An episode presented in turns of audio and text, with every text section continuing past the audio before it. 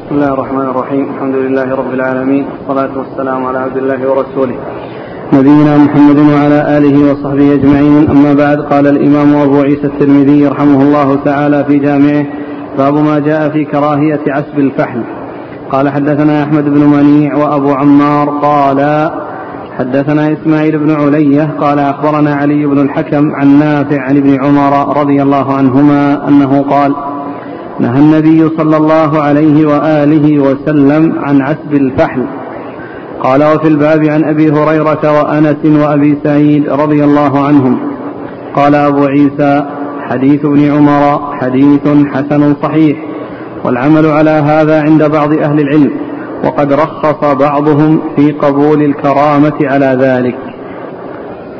نعم أقرأ قال حدثنا عبدة بن عبد الله الخزاعي البصري قال حدثنا يحيى بن آدم عن إبراهيم بن حميد الرؤاسي عن هشام بن عروة عن محمد بن إبراهيم التيمي عن أنس بن مالك رضي الله عنه أن رجلا من كلاب سأل النبي صلى الله عليه وآله وسلم عن عسب الفحل فنهاه فقال يا رسول الله إنا نطرق الفحل فنكرم فرخص له في الكرامة.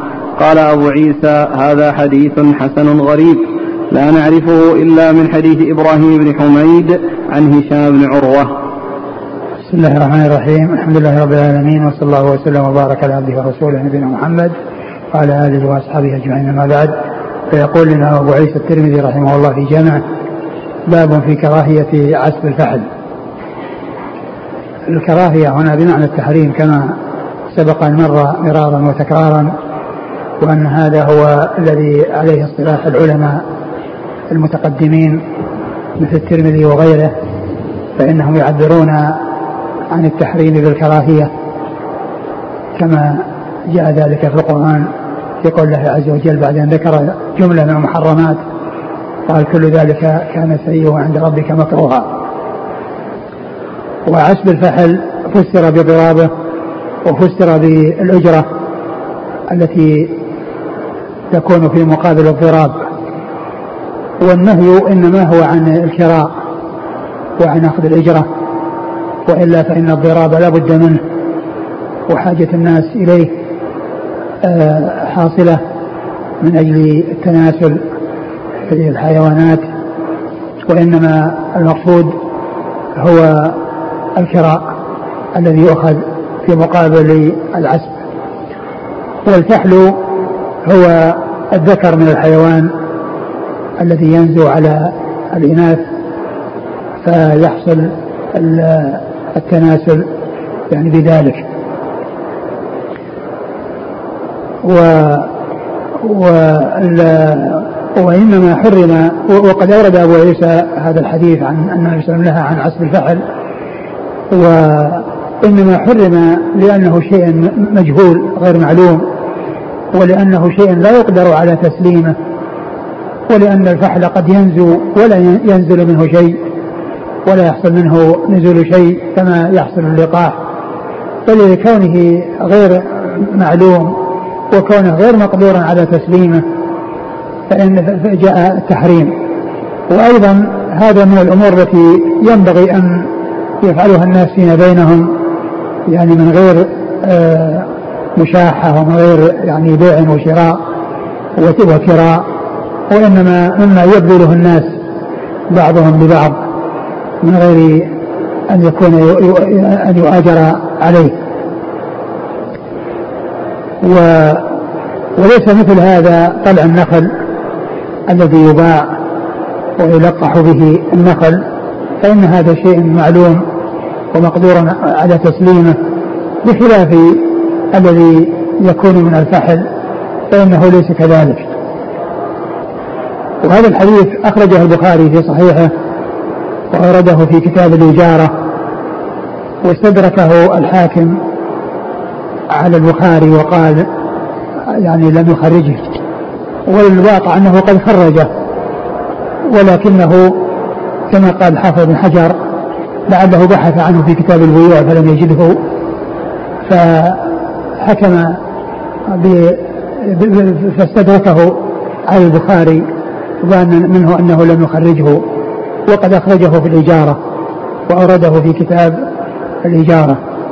وهذا يعني من أجل أن البخاري رحمه الله المستدرك صاحب المستدرك يستدرك على البخاري أحاديث وهي موجودة في البخاري. والسبب في ذلك أن البخاري يأتي بالأحاديث ليستدل بها على الموضوعات التي يأتي بها للاستدلال عليها فقد يكون إيراد الحديث في مكان ليس بمظنة. فيبحث عنه في المظنة فلا يوجد فيحكم بسبب ذلك باستدراكه مع أنه موجود فيه ولا يعني يصح استدراكه عليه وهذا الحديث من هذا القبيل لأنه أورد في كتاب الإجارة ولعله بحث عنه في البيوع فلم يجده. ثم أورد حديث أنس الذي فيه أن رجلا من من كلاب نعم. يعني سأل النبي صلى الله عليه وسلم عن عن عن عسب الفحل فنهاه. فقال إن إن نطلق الفحل فنكرم فرخص في الكرامة. أي ما حصل يعني في من غير مشارطة ومن غير اتفاق. وإنما هذا مقابلة الإحسان بالإحسان. ويدخل تحت من صنع إليكم معروفا فكافئوه. فهو من هذا القبيل سائغ يعني كونه يعطى أو يأخذ يعني شيئا بدون مشارطة. وإنما يكرم. فالحديث يدل على على جواز ذلك. ولكن يعني كون الإنسان يعني لا يأخذ لا شك أنه هو الأولى. وإذا عرف عن الإنسان أنه لا يأخذ فإنه لا يعطى مرة أخرى. ولا يعمد الناس إلى إعطائه إذا عرفوا أنه لا يأخذ فعدم الأخذ لا شك أنه هو الأولى يعني حتى في فيما يتعلق بالكرامة. لهذا لأن هذا من الأمور التي ينبغي أن تبذل بين الناس دون أن يؤخذ لها مقابل. ولكن المقابل إذا كان عن طريق الشرع لا يجوز وإن كان عن طريق مقابلة الإحسان بالإحسان فإن ذلك جائز. نعم. قال حدثنا أحمد بن منيع. أحمد بن منيع ثقة أخرج له أصحاب الكتب الستة. وأبو عمار. وأبو عمار الحسين بن حريث وهو ثقة أخرج له أصحاب الكتب إلا ابن ماجه. إلا ابن ماجه. عن إسماعيل بن علية. عن إسماعيل بن إبراهيم بن علية وهو ثقة أخرج له أصحاب الكتب الستة. عن علي بن الحكم. عن أبي علي بن الحكم وهو ثقة أخرجه أصحاب الكتب الستة إلا إلا مسلم. إلا مسلم. عن نافع.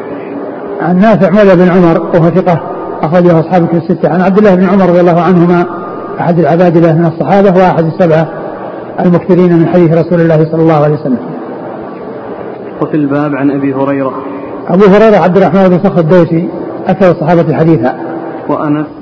وأنس بن مالك خادم النبي صلى الله عليه وسلم وأحد السبعة المعروفين بكثرة الحديث عن النبي صلى الله عليه وسلم من أصحابه الكرام. وهم أبو هريرة وابن عمر. وابن عباس وأبو سعيد وأنس وجابر وأم المؤمنين عائشة رضي الله تعالى عنهم أجمعين وعن الصحابة عنهم وعن الصحابة أجمعين. وقد ذكر هم السيوطي في ألفية لقوله والمكثرون في رواية الأثر أبو هريرة وليه بن عمر وأنس والبحر كالخدري وجابر وزوجة النبي. وأبو سعيد. وأبو سعيد سعد بن مالك بن سنان الخدري مشهور بكنيته ونسبته وهو أحد السبعة المعروفين بكثرة الحديث عن النبي صلى الله عليه وسلم. قال حدثنا عبدة بن عبد الله الخزاعي البصري. عبدة بن عبد الله الخزاعي البصري هو أخرجه البخاري أصحاب ثقة أخرجه البخاري. وأصحاب السنن. البخاري وأصحاب السنن. عن يحيى بن آدم. يحيى بن آدم وهو ثقة أخرجه أصحاب الكتب الستة. عن إبراهيم بن حميد الرؤاسي. إبراهيم بن حميد الرؤاسي هو صدوق.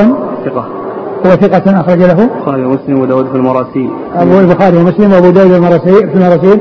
والترمذي والنسائي. وابن ماجه. لا. والنسائي. عن هشام بن عروة. عن هشام بن عروة وهو ثقة أخرجه أصحاب الكتب الستة.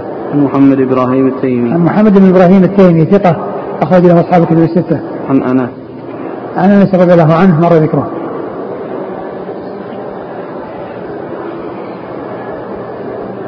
يقول حفظك الله هناك من يربي الفحل ويطعمه ويجعله خاص للتلقيح ويأخذ الأجرة على هذا. فهل هذا جائز مقابل إطعامه وتربيته لهذا الفحل؟ صاحب الفحل الذي رباه وأطعمه إذا أطلقه لا يأخذ عليه إجرة يعني بالمشارطة ولكنه نعطي شيئا يعني إكراما فإنه لا بأس كما جاء في حديث أنس. يقال الآن يباع. العسب عسب الفحل في قوارير عند البيطريين فهل يجوز شراؤه؟ نعم إذا كان يعني شيء شيء موجود ومقدور على تسليمه ومجرد بأنه ينفع يجوز لأن هذا شيء مقدور على تسليمه وليس مجهول هذا مثل طلع مثل طلع النخل هل لصاحب الفحل أن يمنع من إطلاق فحله لإناث غيره؟ إذا كان إذا كان أنه يمنع من أجل أنه يعطى إجرة أو يعطى كرامة لا يجوز له ذلك. لا يجوز له ذلك. ومن حقها إطلاق فحلها كما جاء في الحديث؟ أقول من حقها إطلاق فحلها يعني كونه يعني يبذل يعني إطلاق الفحل هذا يعني آه، من الأمور المطلوبة يقول إذا لم يوجد في القرية إلا فحل واحد وصاحبه يبيع ماءه ماءه فما الحل؟ كيف يبيع ماءه؟ يعني إذا كان بهذا الطريقة التي كان يأتون بها وأشياء يعني معروفة هذا هو الذي وأما قضية يعني كيف كيف كيف يباع ماءه نعم يعني هذا قضية العسل يعني ما يرضى إلا بالأجرة. والناس محتاجين. على كل ما يجوز له ذلك يحرم عليه. فهل مثل يعني يدفع الإنسان للاضطرار وهو الآن؟ نعم إذا كان مضطرا إذا كان مضطرا له ذلك وذاك يحرم عليه. يقول يكثر عند مربي الطيور في الأقفاص أن يكون عند أحدهم إناث دون الذكور فيطلب من آخر الذكور للتكاثر. فيشترط عليه أن يتقاسم الفراخ إذا ولدت الأنثى. لا هذا نفس الشيء. أقول هذا هو نفس الإجراء. المنهي عنه. وأيضا هذا أيضا بالإضافة إلى هذا أيضا شيء مجهول. فهو أيضا لا يجوز وأيضا يعني شيء فيه جهالة. وطبعا الجهالة وغير عدم الجهالة كلها غير غير معتبرة لأنه لا يجوز أخذ الإجرة سواء علمت أو جهلت. نعم. قال رحمه الله تعالى باب ما جاء في ثمن الكلب. قال حدثنا محمد بن رافع قال حدثنا عبد الرزاق قال أخبرنا معمر عن يحيى بن أبي كثير عن إبراهيم بن عبد الله بن قارض عن السائب بن يزيد رضي الله عنه عن رافع بن خديج رضي الله عنه أن رسول الله صلى الله عليه وآله وسلم قال كسب الحجام خبيث ومهر البغي خبيث وثمن الكلب خبيث. قال وفي الباب عن عمر وعلي وابن مسعود وأبي مسعود وجابر وأبي هريرة وابن عباس وابن عمر وعبد الله بن جعفر رضي الله عنهم أجمعين. قال أبو عيسى حديث رافع حديث حسن صحيح والعمل على هذا عند أكثر أهل العلم كرهوا ثمن الكلب وهو قول الشافعي وأحمد وإسحاق وقد رخص بعض أهل العلم في ثمن كلب الصيد. ثم ورد أبو عيسى باب كراهيه ثمن الكلب يعني أي تحريم ثمن الكلب. وأورد فيه أبو عيسى حديث رافع بن خديج رضي الله تعالى عنه أن النبي صلى الله عليه وسلم قال كسب الحجام خبيث وثمن الكلب خبيث ومهر الرضغي خبيث. وهذه الجمل أو هذه الأمور الثلاثة منها ما يكون الخبث بمعنى التحريم ومنها ما يكون الخبث بمعنى الرديء والكسب الغير الجيد وما يتعلق بكسب الحجام فإنه ليس بحرام ولكنه وصف بهذا الوصف تنفيرا من آه يعني من من من التنافس فيه أو التسابق إليه لأنها مهنة ليست بشريفة ليست من المهن الشريفة التي يرغب فيها وانما الناس لا بد لهم منها. ولكن يعني الوصف بأنها ثمن خبيث كسب الحجام خبيث يعني يدل على أن شيء يعني غير مرغب فيه وأن أنه لا يحرص عليه ولا يفرح الإنسان بكونه يعني يتعاطاه ويحصل من ورائه شيء. وعلى هذا فإن الخلف الذي جاء في الحديث ليس على معنى واحد. لأنه فيما يتعلق بمهر البغي خبيث لا شك وحرام لأن الزنا حرام ومقابله حرام وكذلك ثمن الكلب يعني حرام وبيعه حرام وثمنه حرام. وأما كسب الحجام فإنه كسب رديء وغير شريف. والنبي صلى الله عليه وسلم احتجم واعطى الحجام أجره ولو كان حراما لم يعطه كما جاء في حديث ابن عباس المتفق عليه في الصحيحين.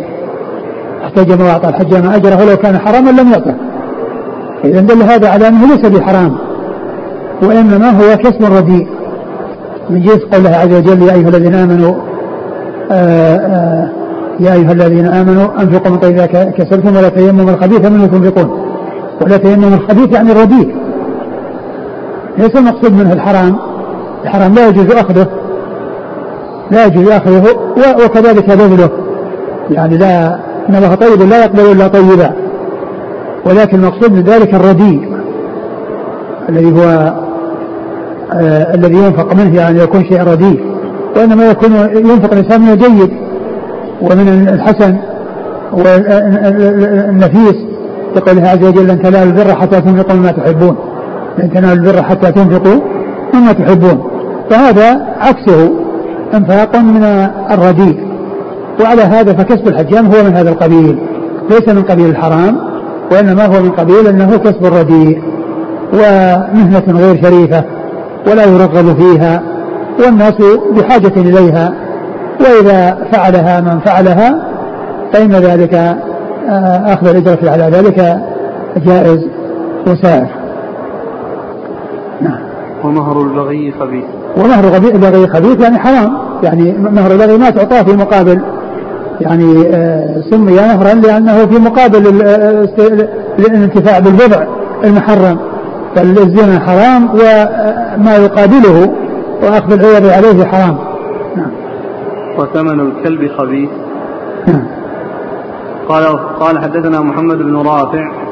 محمد بن رافع النيسابوري القشيري وهو شيخ مسلم وهو من من بلده ومن قبيلته. كل منهما قشيري ونيسابوري وهو ممن أكثر الرواية عنه. وصحيفة همام منبه التي روى مسلم منها أحاديث كثيرة يرويها من طريق كلها يرويها من طريق الشيخ محمد بن رافع عن عبد الرزاق عن معمر. ف فهو من شيوخ الذين اكل عنهم وقد أخرج له أصحاب كل سته إلا ابن ماجه. عبد الرزاق عبد الرزاق بن همام الصنعاني اليماني وهو ثقة أخرج له أصحاب الكتب الستة. عن معمر عن معمر بن راشد الأزدي البصري ثم اليماني وهو ثقة أخرج له أصحاب الكتب الستة. عن يحيى بن أبي كثير. يحيى بن أبي كثير اليماني وهو ثقة أخرج له أصحاب الكتب الستة وهو صاحب الكلمة المشهورة التي أوردها مسلم في صحيحه عنه في كتاب مواقيت في في, في مواقيت الصلاة بعدما ذكر حديث عبد الله بن عمرو بن العاص من طرق متعددة ساق بإسناده لا يحب أبي كثير اليماني قال لا يستطاع العلم براحة الجسم. قال لا يستطاع العلم براحة الجسم. يعني أن تحصيل العلم ما يحصل بالراحة وإنما يحصل بالنصب والمشقة وبحفظ الوقت وببذل النفس والنفيس في الوصول إلى ذلك لا يستطاع العلم براحة الجسم. هذه كلمة عظيمة مشكورة عن هذا الإمام وهو يحيى بن أبي كثير اليمامي. نعم. عن إبراهيم بن عبد الله بن قارض. إبراهيم بن عبد الله بن قارض ثقة أخرج له صدوق. أصحاب كتب الستة. صدوق. صدوق أخرجه أصحاب البخاري في المفرد ومسلم وأبو داود والترمذي والنسائي. صدوق أخرجه البخاري في المفرد في المفرد ومسلم وأبو داود ومسلم وأبو داود والترمذي والنسائي. والترمذي والنسائي. عن السائب بن يزيد. عن السائب بن يزيد وهو صحابي صغير. قال حج بنا مع رسول الله صلى الله عليه وسلم وأنا ابن سبع سنين. يعني من توفي رسول الله صلى الله عليه وسلم وعمره سبع سنوات. لأن الرسول صلى الله عليه وسلم عاش بعد حجة الوداع يعني آه ثلاثة أشهر تقريبا. وقال وقد قال حج بي مع رسول الله صلى الله عليه وسلم وأنا من سبع سنين وقد أخرج حديثه أصحاب الكتب الستة عن رافع بن خديجة رضي الله عنه أخرج حديثه أصحاب الكتب الستة. وفي الباب عن عمر عمر بن الخطاب رضي الله تعالى عنه أمير المؤمنين وثاني الخلفاء الراشدين الهادين المهديين صاحب المناقب الجمة والفوائد الكثيرة وحديثه أخرجه أصحاب الكتب الستة. وعلي وعلي بن أبي طالب أمير المؤمنين ورابع الخلفاء الراشدين الهادين المهديين صاحب المناقب الجمة والفضائل الكثيره وحديثه عند اصحاب الكتب السته. وابن مسعود وابن مسعود عبد الله مسعود الهذلي أخرج له اصحاب الكتب السته. وأبي مسعود وأبي مسعود عقبة بن عمرو الأنصاري البدري وهو صحابي أخرجه اصحاب الكتب السته. وجابر وجابر بن عبد الله الأنصاري أحد السبعة المكثرين من حديث رسول الله صلى الله عليه وسلم. وأبي هريرة وابن عباس وأبو هريرة آه، أكثر الصحابة حديثا وابن عباس أحد العباد له وأحد السبع المكثرين من حديث رسول الله صلى الله عليه وسلم. وابن عمر وعبد الله بن جعفر عبد الله بن جعفر أخرجه أصحابه في الستة. قال حديث رافع حديث حسن صحيح والعمل على هذا عند أكثر أهل العلم كرهوا ثمن الكلب وهو قول الشافعي وأحمد وإسحاق وقد رخص بعض أهل العلم في ثمن كلب الصيد وقد رخص بعض أهل العلم في ثمن كلب الصيد وقال يعني ولعل ذلك لكونه يتعب عليه يعني في تعليمه وأنه يعني لا يصير معلما إلا ب يعني تعب وبمعاناة وبعمل وصل فيه إلى أن يكون معلما يحصل المقصود يعني من صيده. وقد أورد الترمذي في ذلك حديثا في إسناده ضعف. وقد جاء يعني آه، أحاديث أخرى تدل على ذلك منها في سنن النسائي وغيره. وقد صحح الشيخ الألباني رحمه الله بعض تلك الأحاديث. نعم. قال حدثنا قتيبة قال حدثنا الليث عن ابن شهاب قال حا وحدثنا سعيد بن عبد الرحمن المخزومي وغير واحد قالوا حدثنا سفيان بن عيينة عن الزهري عن أبي بكر بن عبد الرحمن عن أبي مسعود الأنصاري رضي الله عنه. قال نهى رسول الله صلى الله عليه وآله وسلم عن ثمن الكلب ومهر البغي وحلوان الكاهن. قال هذا حديث حسن صحيح. وهذا مثل الحديث الأول لأن فيه ذكر حلوان الكاهن وهو ما يعطاه مقابل كهانته وهو ما يعطاه مقابل كهانته وكهانته يعني كونه يخبر بمغيبات ويحصل منه إخبار عن أشياء يعني غير موجودة غائبة عن الناس. وذلك بالتعاون مع الجن الذين يستخدمهم ويعني يخضع لهم. وقد وصف النبي صلى الله عليه وسلم أن هذا الذي يعطاه أنه خبيث يعني محرم لأن الكهانة محرمة. وما كان مقابلها فإنه كذلك يكون محرما. قال حدثنا قتيبة. قتيبة بن سعيد ثقة أخرجه أصحاب كتب الستة. عن الليث. الليث بن سعد المصري ثقة فقيه أخرج له أصحاب كتب الستة. عن ابن شهاب. ابن شهاب محمد بن مسلم بن عبد الله بن شهاب الزهري ثقة فقيه أخرج له أصحاب كتب الستة. قال حاء وحدثنا سعيد بن عبد الرحمن المخزومي. ثم قال حاء وهي التحول من إسناد إلى إسناد. أخبرنا آه، سعيد بن عبد الرحمن المخزومي وهو ثقة أخرجه الترمذي والنسائي. ثقة أخرجه الترمذي والنسائي. عن سفيان بن عيينة. سفيان بن عيينة المكي ثقة أخرجه أصحاب الكتب الستة. عن الزهري عن أبي بكر بن عبد الرحمن. أبو بكر بن عبد الرحمن ثقة أخرجه أصحاب الكتب الستة.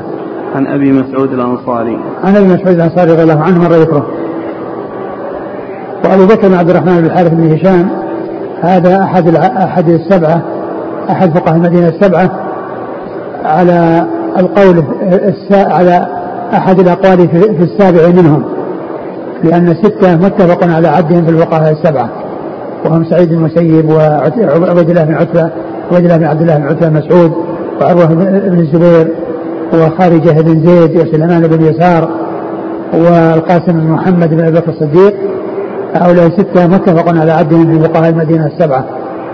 والسابع فيه ثلاث أقوال. قيل أبو بكر بن عبد الرحمن بن الحارث بن هشام هذا وقيل سالم بن عبد الله بن عمر وقيل أبو سلمة بن عبد الرحمن آه، بن عوف. وابن القيم رحمه الله ذكر في كتاب إعلام واقعين في أوله آه، عددا من فقهاء الأنصار من الصحابة والتابعين ومن بعدهم ولما جاء عند ذكر المدينة وفقهاء المدينة ذكر أن فيها سبعة من في في عصر التابعين فيها سبعة عرفوا بهذا الوصف الذي هو لقب هذا اللقب الذي لقب الفقهاء السبعة وذكرهم وذكر السابع منهم هذا الرجل وهو أبو بكر, أبو بكر بن عبد الرحمن بن حارث بن هشام وذكر بيتين يشتمل الثاني منهما على هؤلاء السبعة وهو وهذا وهذان البيتان إذا قيل من في العلم سبعة أبحر روايتهم ليست عن العلم خارجة فقل هم عبيد الله عروة قاسم سعيد أبو بكر سليمان خارجة. فقل هم عبيد الله عروة قاسم سعيد أبو بكر سليمان خارجة. هؤلاء السبعة مذكورون في هذا البيت. ويأتي ذكرهم بلقب الفقهاء السبعة آآ آآ اختصارا وذلك يغني عن عدهم فيقولون في بعض المسائل وقد اتفق عليها الأئمة الأربعة وقال بها الفقهاء السبعة. ومنها مسألة زكاة العروض. زكاة العروض فإنهم يذكرون فيها أنه قال بها الأئمة الأربعة وقال بها الفقهاء السبعة. يقصدون بالفقهاء السبعة هؤلاء الذين جاء ذكرهم في هذا البيت الذي أورده ابن القيم في أول كتابه إعلام واقعين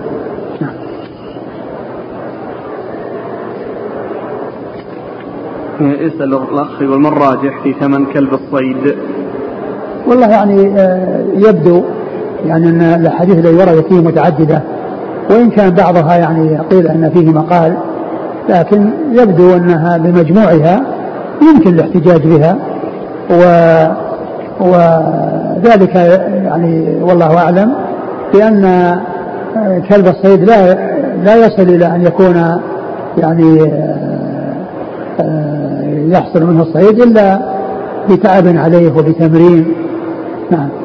ولكن يعني إذا ترك ولم يعني يحرص على على بيعه وأنه إذا استغنى عن الإنسان يعطيه بدون مقابل لا شك أن هذا هو الأولى. وما رأيكم في كلب الحراسة؟ كلب الحراسة يعني كل ما عدا كلب الصيد ما جاء فيه استثناء.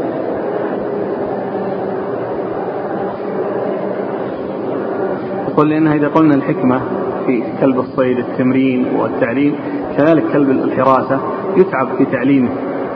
لا بس الحراسة يعني كما هو معلوم يعني حتى لو ما علم يعني ما دام في كلب ينبح ينبه الناس يعني غير الذي يعلم على الصيد وعلى يعني إرساله وانه ما يأكل يعني هذا شيء غير غير الحراسة، الحراسة تحصل يعني حتى لو ما حصل تعليم ما يحتاج إلى تعليم يعني في كلب يعني يجي يعني يوضع عند عند عند غنم ولا ينضع في مزرعة فإذا جاء أحد نبح وعرف الناس أن فيها أحد جاء ونبح من من أجله نعم. الأخ يقول هل يجوز أخذ الثمن على تطعيم الكلب أو عمل عملية للكلب؟ كيف؟ تطعيمه؟ هذا بيطري بيشتغل على الكلاب. على كل إذا المعالجة أقول المعالجة إذا حصل المعالجة هذا شيء في مقابل أقول في مقابل عمله يعني وفي مقابل المنفعة قال رحمه الله تعالى باب ما جاء في كسب الحج في بعض في بعض البلاد يعني الكلاب تعامل أعظم ما يعامل الرجال. يعني يعني في بعض الدول الكافرة يعني الكلاب لها شأن يعني شأن عظيم. نعم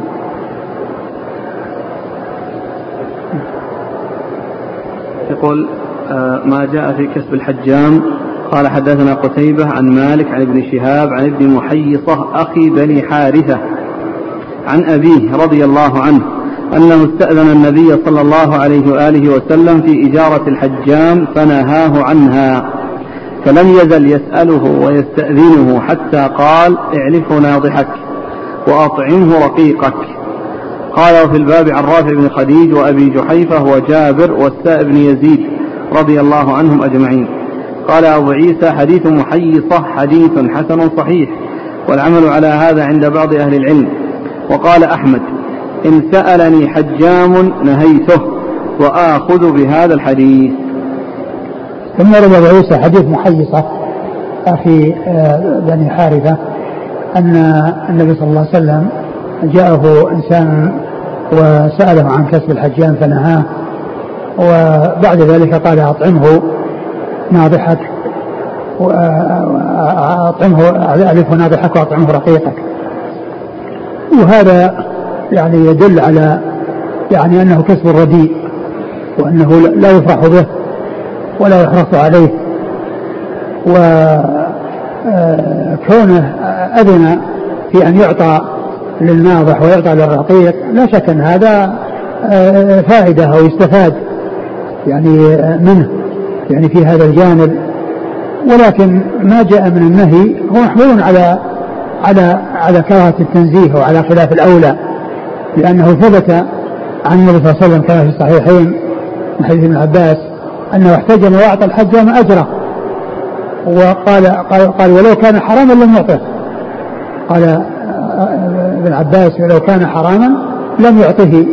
فدل هذا على أن ما جاء من النهي إنما هو ليس للتحريم وإنما هو للتنزيه وأنه يعني شيء رديء يعني لا يليق وأيضا إطعامه للنواضح يعني هذا يشعر بأنه يعني لا يحرص عليه ولا يفرح به نعم قال حدثنا قتيبة عن مالك بن أنس آه مالك بن أنس إمام دار الهجرة المحدث الفقيه أحد أصحاب المذاهب الأربعة المشهورة مذاهب أهل السنة وحديثه أخرجه أصحاب كتب الستة.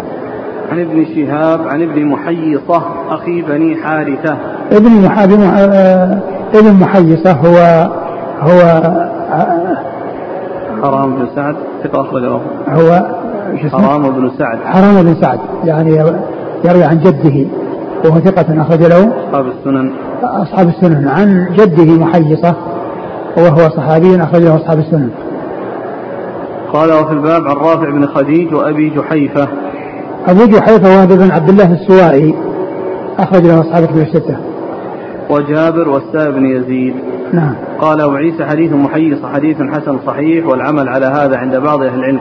قال أحمد إن سألني حجام نهيته وآخذ بهذا الحديث. يعني نهيته يعني مثل ما جاء في الحديث نهاه. يعني الرسول لما يعني سأله نهاه.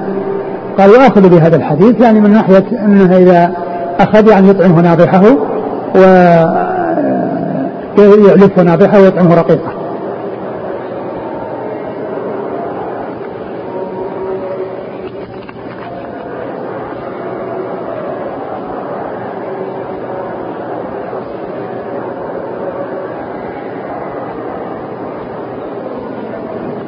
قال رحمه الله تعالى باب ما جاء في الرخصة في كسب الحجام. قال حدثنا علي بن حجر قال أخبرنا إسماعيل بن جعفر عن حميد قال سئل أنس رضي الله عنه عن كسب الحجام. فقال أنس احتجم رسول الله صلى الله عليه وآله وسلم وحجمه أبو طيبة رضي الله عنه فأمر له بصاعين من طعام وكلم أهله فوضعوا عنه من خراجه وقال إن أفضل ما تداويتم به الحجامة وإن من أمثل دوائكم الحجامة. قال وفي الباب عن علي وابن عباس وابن عمر رضي الله عنهم.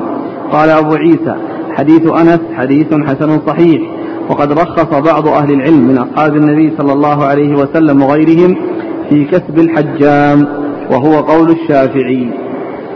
ثم روى أبو عيسى باب الرخصة في كسب الحجام يعني أن النهي الذي مر والوصف بأنه خبيث إنما هو لكونه يعني معناه أنه رديء وأن النهي أنه خلاف الأولى وأنه مهنة يعني وأنها مهنة لا يحرص عليها ولا يفرح بها. وذلك لما فيها من يعني حصول الدم يعني ومصه يعني كان فيما مضى كان الحاجم يمص المحاجم وقد يصل إلى حلقه شيء ولهذا جاء في الحديث أفطر الحاجم والمحجوم لأنه كان يمص المحاجم. فيعني شيء فيه يعني شيء من القدر. ف فيعني فيكون يحمل ما جاء على يعني كراهية التنزيه وليس على التحريم. وأنه خلاف الأولى وأن هذه المهنة لا يفرح بها ولا يحرص عليها. ولهذا قال أحمد يعني لو سألني حجام نهيته وآخذ بهذا الحديث يعني أنه إذا يعني وصل إليه يعلف ناضحه ويطعم رقيقه. قال حدثنا علي بن حجر. علي بن حجر ثقة أخرجه البخاري ومسلم والترمذي والنسائي. عن إسماعيل بن جعفر. إسماعيل بن جعفر ثقة أخرجه أصحاب الكتب الستة. عن حميد. عن حميد بن أبي حميد الطويل ثقة أخرجه أصحاب الكتب الستة. عن أنس. عن أنس رضي الله عنه مر ذكره وهذا من الرباعيات التي هي من أعلى الأسانيد عند الترمذي. وفي الباب عن علي وابن عباس وابن عمر. نعم.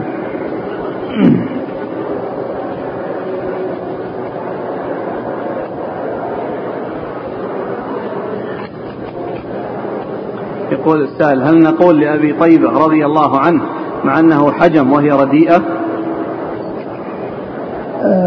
الرسول صلى الله عليه وسلم آه، كيف نقول إيش؟ نقول رضي الله عنه؟ أي يعني كيف نترضى عنه يعني؟ أي هذا السؤال؟ أي كيف نترضى عنه؟ كيف كل الصحابة نترضى عنه كل الصحابة نترضى عنه وهذا هو الدليل الذي دل على أن أن الحجامة أو أن الإجرة الحجامة أنها جائزة يعني والكسب يعني ليس بشريف ليس مثل التجارة والزراعة ولا يرغب فيه ولا يحث عليه. ولا شك إنه يعني من المكاسب الغير الجيدة. والتربي نتربى عنه. ولا ينقصه ذلك أو يخل بفضله وبصحبته. لأن مثل هذا يعني ينبغي أن يكون من الأمور التي تبذل بين الناس بدون مقابل. ولكن المقابل ثبتت في السنة عن رسول الله. وقد أعطاه صاعين وأمر مواليه فخففوا عنه من خراجه. المقصود الخراج يعني الشيء اللي يطالبونه به أن يحضره يعني وأن يأتيهم بكسب يأتيهم بكسب ويأتيهم بشيء ويحددون له مقدار. نعم. يقول لماذا لا يقال في حديث أنس آه أنه محمول على أن النبي صلى الله عليه وسلم أعطى الحجام من باب الكرامة؟ لا الكسب والأجرة. هو جاء في الحديث أعطى الحجام أجره. حديث ابن عباس احتاج من سلم وأعطى الحجام. نعم. ولو كان حراما لم يعطه.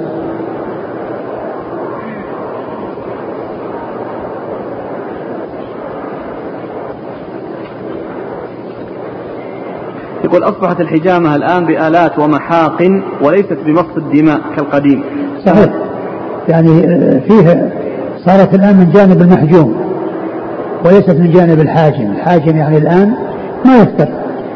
يعني لو حصل في الحجامة أو حصل من الحجامة ما يفتر لأن المص ما هو موجود.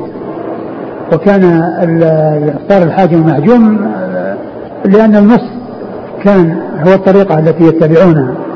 والآن لما صار ما في مص لا يقال يعني أنه إذا حصل الحجامة أفطر الحاجم والمحجوم لأن الحاجم ما حصل من شيء.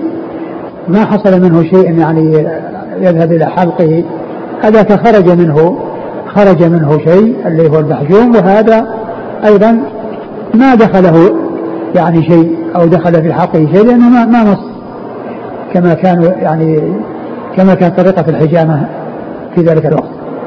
هو يريد يقول إن يعني الخبث الآن قل مو مثل الأول.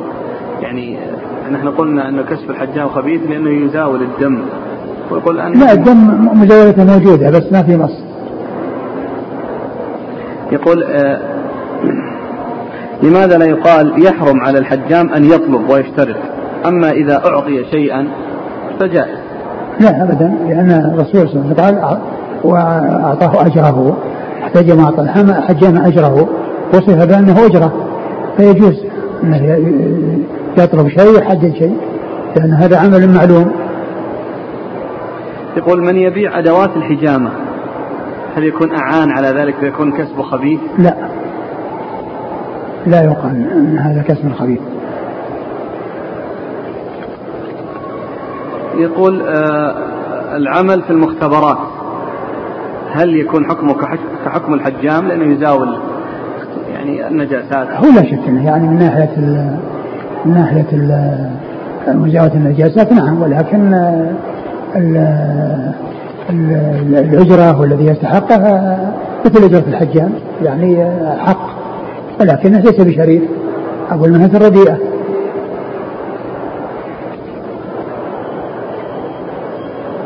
يقول امرأة تحجم النساء وتأخذ الأجرة على ذلك ثم تشتري بهذا المال كتب فتجعلها وقف للدعوة. إيش الإشكال؟ ما في بس إيش لا لا زال يعني عملها وفعلها يوصف بأنه خبيث. نعم. يوصف بأن كسبها خبيث مع أنها يعني الكسب يعني رديء ولكن نهايته يعني صارت الفائدة فيه كبيرة وصرف في مصرف يعني طيب ويعني هو حلال ليس بحرام ولكنه رديء رديء من الكاسب الرديئه لكن إذا ملكته وصرفته في أمر ينفع لا شك إن هذا عمل عظيم. هل من معاني الخبث كسب الحجام خبيث أنه لا بركة فيه؟ لا. لا يقال أنه لا بركة فيه. الرسول صلى الله عليه وسلم أعطاه أعطاه أجره ولا يقال أنه لا بركة في شيء أعطاه الرسول صلى الله عليه وسلم لأنه مباح له وحلال ولكن هذا من باب يعني بيان المكاسب وأنها ليست على حد سواء. فيها الشريف وفيها الرديء قال رحمه الله تعالى باب ما جاء يعني معناه إنه لا يتنافس في الحجامة.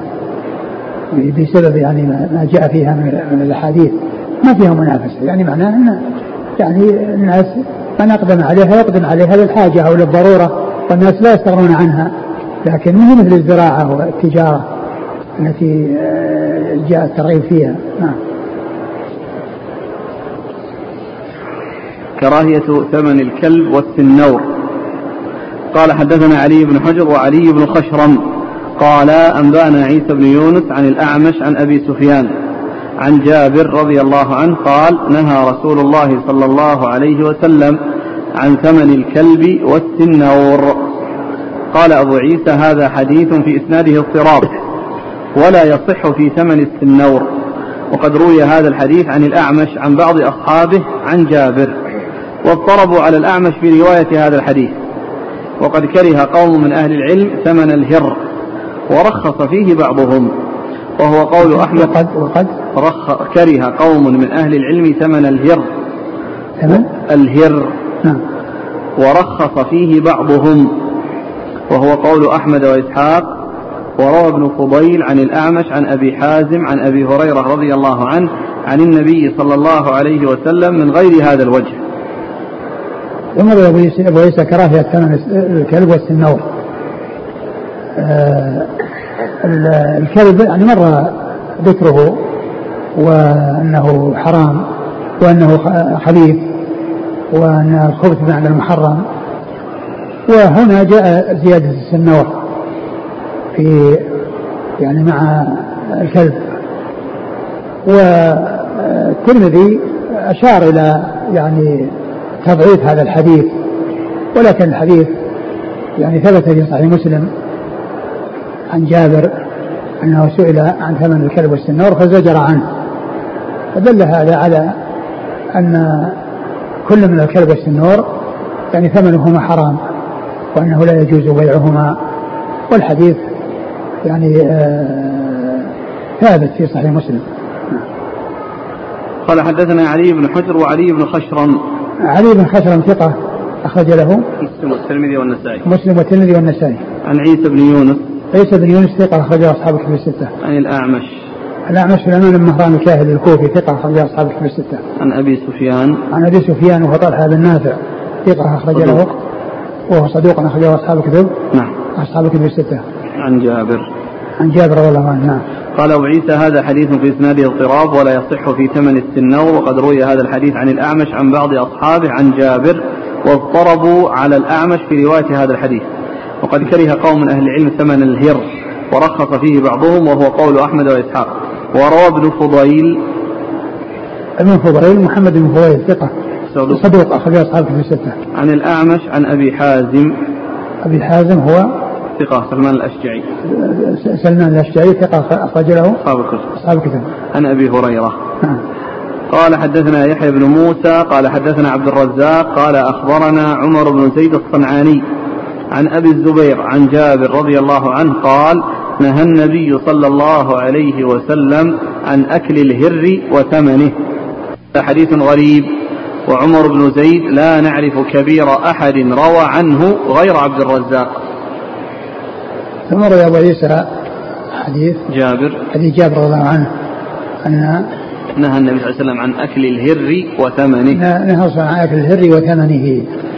لأن ثمنه يعني مثل ما تقدم في الحديث يعني أنه نهى عن ثمن الكلب والسنور وأكل أكله هذا يعني يدل أيضا على أنه لا يجوز. وهو ما دام أن ثمنه حرام وأنه لا يجوز بيعه فأكله كذلك. فكذلك لا يؤكل. نعم. قال حدثنا يحيى بن موسى. آه يحيى بن موسى هو؟ ثقة البخاري وأبو داود والترمذي والنسائي. ثقة البخاري وأبو داود والترمذي والنسائي. عن عبد الرزاق. عبد الرزاق مر ذكره. عن عمر بن زيد الصنعاني. عمر بن زيد الصنعاني ضعيف. أخرج له أبو داود والترمذي وابن ماجه. أبو داود والترمذي وابن ماجه. عن أبي الزبير. عن أبي الزبير محمد بن تز... بن مسلم بن تدرس المكي صدوق أخرج له أصحاب الكتب الستة. عن جابر. نعم. قال أبو عيسى هذا حديث غريب. نعم. وعمر بن زيد لا نعرف كبير أحد روى عنه غير عبد الرزاق. نعم.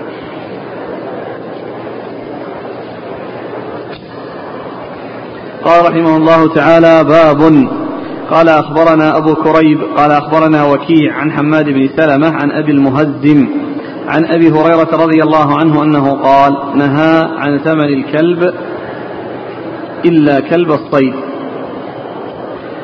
ثم ورد أبو عيسى هذه الترجمة هي باب بدون ترجمة باب بدون ترجمة ورد تحتها حديث أبي هريرة.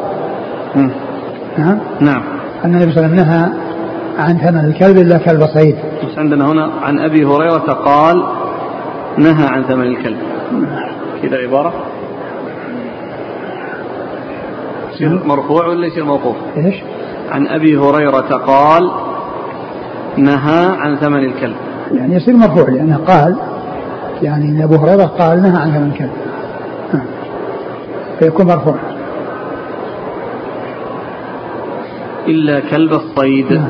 إلا كلب الصيد وقلت أن, أن, أن هذا فيه الرجل هذا الذي هو اللي هو المؤذن المهزم وهو يزيد بن سفيان وهو متروك لكنه جاء في سنن النسائي بإسناد صحيح.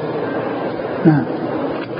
قال أخبرنا أبو كريب أبو كريب محمد بن العلاء بن كريب ثقة أخرجه أصحاب الكتب الستة. عن وكيع. وكيع بن الجراح الرؤاسي الكوفي ثقة أخرجه أصحاب الكتب الستة. عن حماد بن سلمة. محمد بن سلمة ثقة أخرجه البخاري تعليقا ومسلم وأصحاب السنة. عن أبي المهزم.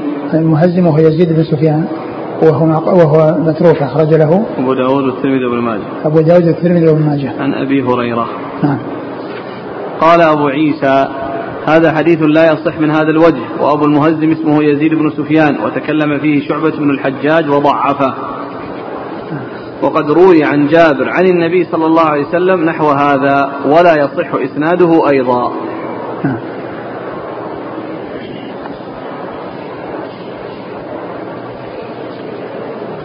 قال رحمه الله تعالى باب ما جاء في كراهية بيع المغنيات. قال حدثنا قتيبة قال أخبرنا بكر بن مضر عن عبيد الله بن زحر عن علي بن يزيد عن القاسم عن أبي أمامة رضي الله عنه عن رسول الله صلى الله عليه وآله وسلم أنه قال لا تبيعوا القينات ولا تشتروهن ولا تعلموهن ولا خير في تجارة فيهن وثمنهن حرام في مثل هذا أنزلت هذه الآية. ومن الناس من يشتري لهو الحديث ليضل عن سبيل الله إلى آخر الآية. قال وفي الباب عن عمر بن الخطاب رضي الله عنه قال أبو عيسى حديث أبي أمامة إنما نعرفه مثل هذا من هذا الوجه. وقد تكلم بعض أهل العلم في علي بن يزيد وضعفه وهو شامي. ثم ورد أبو عيسى باب كراهية. بيع المغنيات. كراهية. نعم. بيع المغنيات. المغنيات هي الجواد التي تغني ويكون البيع والشراء من أجل الغنى يعني من أجل هذا الوصف الذي هو محرم أو استعمال يعني استعماله محرم.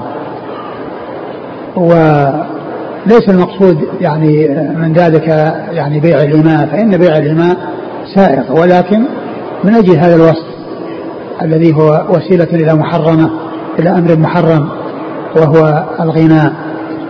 أورد فيه أبو عيسى حديث أبي أمامة أن النبي صلى الله عليه وسلم قال لا تبيع القينات.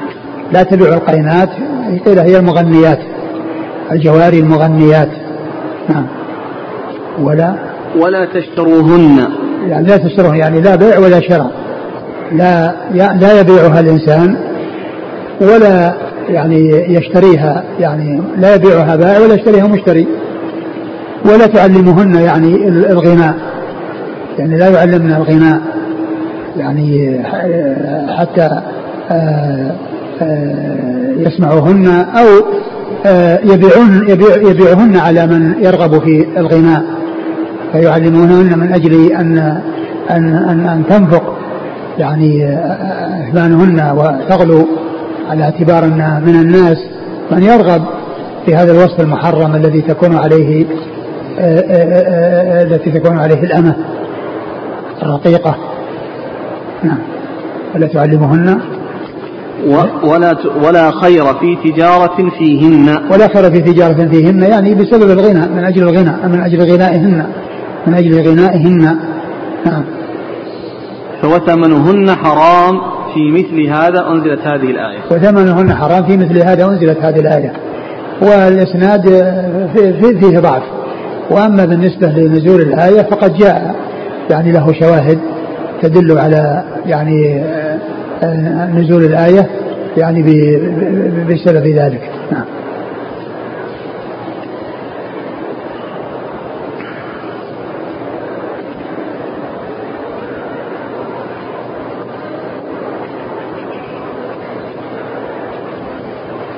إسناد.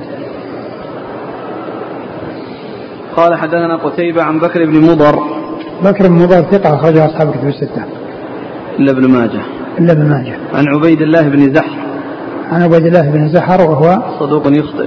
صدوق يخطئ أخرج له البخاري في المفرد وأصحاب السنن. البخاري في المفرد وأصحاب السنن. عن علي بن يزيد. عن علي بن يزيد وهو ضعيف. وهو ضعيف أخرج له الترمذي وابن ماجه. الترمذي وابن ماجه. عن القاسم. القاسم ابن القاسم بن عبد الرحمن وهو ثقة صدوق يغرب وهو صدوق القاسم بن عبد الرحمن. صدوق يغرب كثيرا صدوق يغرب كثيرا أخرج له قال المفرد وأصحاب السنن البخاري في المفرد وأصحاب السنن عن أبي أمامة عن أبي أمامة صدي بن عجلان الباهلي رضي الله عنه أخرج حديث أصحاب الكتب الستة. وفي الباب عن عمر بن الخطاب نعم. قال أبو عيسى حديث أبي أمامة إنما نعرفه مثل هذا من هذا الوجه وقد تكلم بعض أهل العلم في علي بن يزيد وضعفه وهو شامي. قال رحمه الله تعالى باب ما جاء في كراهية الفرق بين الأخوين. والله تعالى أعلم وصلى الله وسلم وبارك على نبيه ورسوله نبينا محمد وعلى آله وأصحابه أجمعين. جزاكم الله خيرا وبارك الله فيكم ونفعنا الله بما سمعنا وغفر الله لنا ولكم وللمسلمين أجمعين.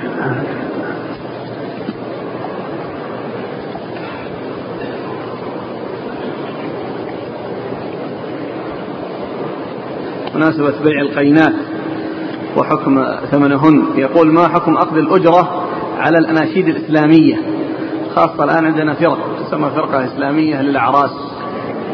يقول النشيد إسلامي. المشروع في في هذا أن أن أنه في الزواج آه، النساء تضرب بالدفوف تضرب بالدفوف ويغنين يعني بأشعار وبكلام حسن. يعني ليس فيه تلحين وليس فيه فتنة ويكون ذلك في حدود النساء بحيث لا يتجاوز ذلك إلى الرجال بحيث يسمع الرجال. وكذلك وهذا أيضا خاص بالنساء لا ليس ليس للرجال فعله وهو ضرب الدفوف وإنما هو من خصائص النساء. وأما الأناشيد الإسلامية وغيرها فلا يشتغل بها وإنما يشتغل بما ورد. من الضرب بالدف وكون يحصل معه غنى من النساء. يعني ليس فيه سوء وليس فيه محذور. نعم. أخذ الأجرة. ولا ينبغي أن يستأجر على ذلك لأن هذا من التكلف. وإنما نفس النساء آه، يحصل من بعضهن ذلك الشيء بدون استئجار. لا ينبغي أن يتكلف لأن هذا من جملة الأشياء التي آه، هي من التكاليف التي صارت في الزواج آه، ولائم يعني توسع فيها ومثل هذه الأشياء وغيرها. نعم. يقول السائل ما رأيكم في من يفرق في الحجامة بين الحاجب إذا كان عبدا أو حر؟ فيجوز إن كان عبد أبو طيبة كان عبدا أما إذا كان حر لا يجوز له. والله يعني يبدو أنه ما في بأس يعني حتى الحر يعني آه، أنه لا تكون المسألة مقصورة على الأرقة لأنه قال آه، يعني آه، أعلفه أطعمه رقيقك وهذا خطاب للحر. يقول الثمن الذي يؤخذ على غسل الأموات هل يمكن أن يقال أنه كذلك خبيث وأنه عمل مهين رديء؟ والله يعني مثل هذا لا شك أن الأولى. أن يكون يعني بدون مقابل ولكن إن احتيج إلى ذلك ما, ما في بأس.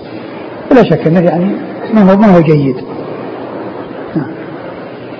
يقول ما حكم بيع الديدان لعلف الطيور أو لصيد السمك؟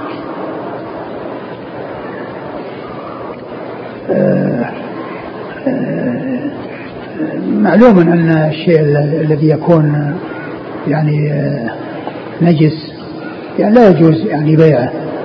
لكن الديدان هذه يعني هل هي نجسة أو غير نجسة؟ لأن يعني فيه أشياء لا تتنجس. مثل الذي ليس فيه دم ما لا نفس له سائلة. لا ينجس الماء إذا مات فيه. وميتته يعني لا تكون نجسة مثل الجراد. نعم.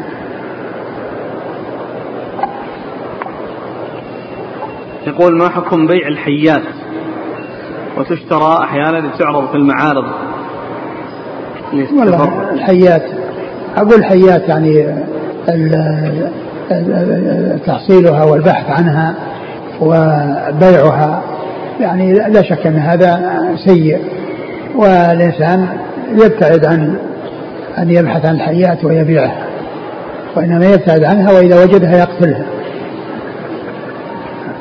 هل يجوز لمدرب الكلاب أن لكن بعض الناس بعض الناس يعني آه، آه، يعني يمسكونهن ثم ينزعون أنيابهن. أقول ينزعون الأنياب. فتبقى لا يحصل منها الضرر ولكنها تخيف. وبعض الناس يخيف بعضهم بعضا بها. وإن كانت انها لا لا يحصل منها لكن منظرها وإذا رميت على إنسان لا شك أنه يفزع والنبي صلى الله عليه وسلم نهى أن يروع آه، المسلم أخاه كما جاء في الحديث أن النبي صلى الله عليه وسلم كان في سفر وكان فيهم من أصحابه شخص نايم وكان بيده حبل فذهب إنسان ونزعه منه ففزع ففزع من نومه وقام فقال عليه لا يحل لمسلم أن يروع أخاه. نعم. هل يجوز لمدرب الكلاب أخذ أجرة بسبب تدريبه؟ والله يعني هذا لا شك أنه من من المهن الرديئة أقول من المهن الرديئة ولا شك أن هذا عمل يعني يجوز أخذ الأجر عليه ولكنه رديء يقول عندنا قاعدة كل ما لا يؤكل لحمه فثمنه حرام هل هذا صحيح؟ لا ما صحيح. الحمار يباع الحمار يباع وثمنه حلال وهو لا يؤكل. ما حكم بيع الجوالات التي فيها الكاميرا وما وحكم شرائها والعمل في التجارة فيها؟ لا يجوز الإنسان لا يجوز أن يشتغل بها لأن هذه تأتي بفتن وتأتي بشرور ويعني آه، يكون التصوير يعني آه، في في مختلف الأحوال فالابتعاد عنها لا شك أنه مطلوب. والإنسان لا يستعمل هذه الجوالات وإنما يستعمل شيء خالي من هذه الأشياء وفيها محاذير كثيرة يعني غير قضية مجرد التصوير. نعم. هذا سؤال من خارج المملكة يقول صاحبه اتصل يقول ما حكم الدراسة في الجامعة التي فيها اختلاط؟ الإنسان يبتعد عن مخالطة النساء عن مخالطة النساء وإذا كانت ال ال الإنسان آه، لا سيما إذا كان فيه مدرسات لأنه لا بد أن يخالط أو يختلط المدرسة فهو يبحث عن مدارس لا اختلاط فيها و والاختلاط يعني كله شر وكله بلاء وفساد وضرر عظيم فيبتعد الإنسان عنه ويبحث عن شيء لا اختلاط فيه. أحسن الله إليكم. سبحانك اللهم وبحمدك. أشهد أن لا